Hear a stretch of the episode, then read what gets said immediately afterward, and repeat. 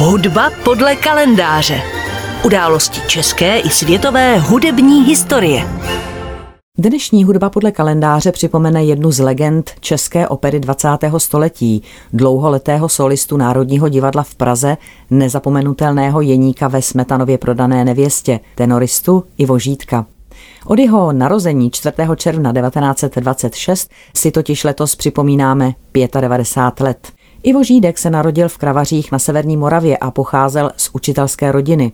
Původně se chtěl věnovat malířství, ale otec v něm záhy rozpoznal vlohy k jinému uměleckému oboru a od dětství jej vedl ke zpěvu. Už v době studií na gymnáziu tedy docházel Žídek v Ostravě na soukromé hodiny zpěvu k profesoru Rudolfu Vaškovi. Původně se školil jako bariton, ale pod citlivým pedagogickým vedením se jeho hlas rozvinul ve zvučný tenor.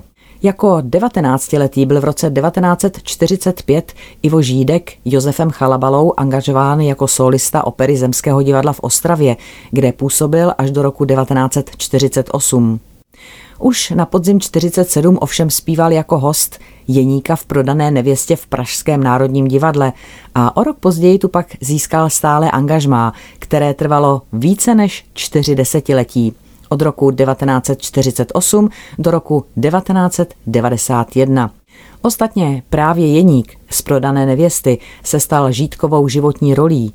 Zpívali jej i v dalších nastudováních z let 1949, 53, 55, 63, 66 a nakonec 1971. Své pěvecké mistrovství ovšem dokázal Ivo Žídek i ve všech ostatních operách Bedřicha Smetany, ať už to byl Dalibor, Tajemství, Čertova stěna, Dvě vdovy či Braniboři v Čechách.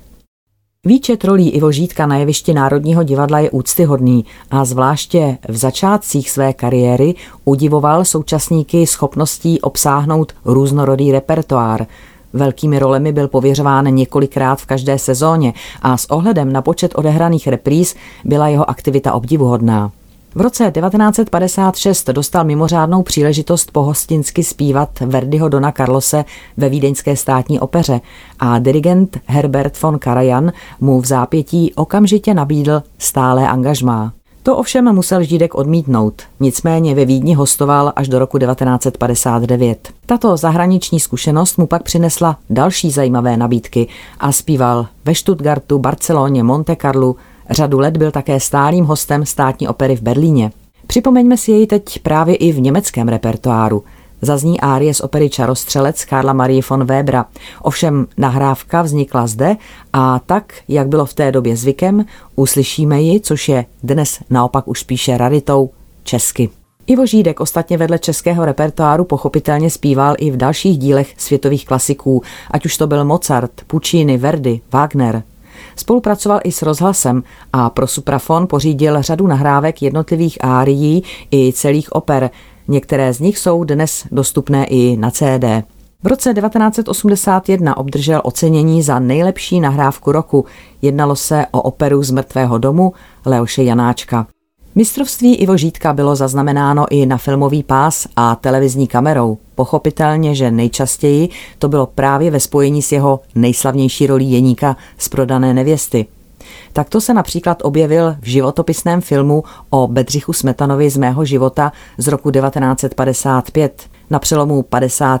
a 60. let bylo pro televizi upraveno několik oper z repertoáru Národního divadla.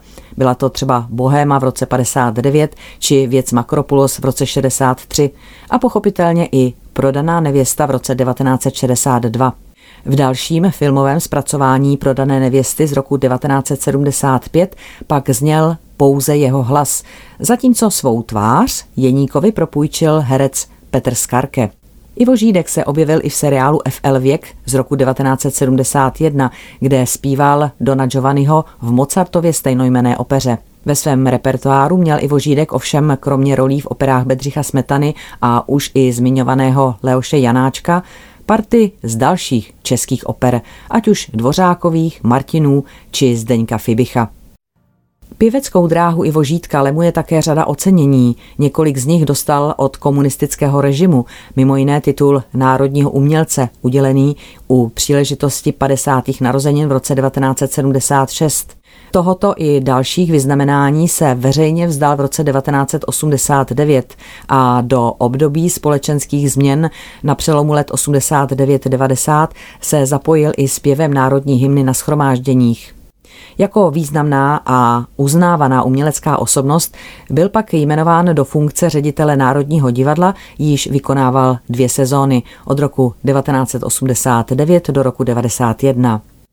Poté už žil v soukromí. V roce 1998 obdržel ještě cenu Tálie za celoživotní mistrovství a také sám působil ve funkci předsedy operní výběrové poroty Centálie. Ivo Žídek zemřel v Praze 20. května 2003, krátce před svými 77. narozeninami. Ve výčtu cen, které během života získal, figurovala také zlatá deska Suprafonu, kterou obdržel v roce 1995 za nahrávku Dvořákovy Rusalky z roku 61. Na níž kromě něj v hlavních rolích pod taktovkou Zdeňka Chalabaly účinkovali Milada Šubertová a Eduard Haken. A tak dnešní připomínku 95.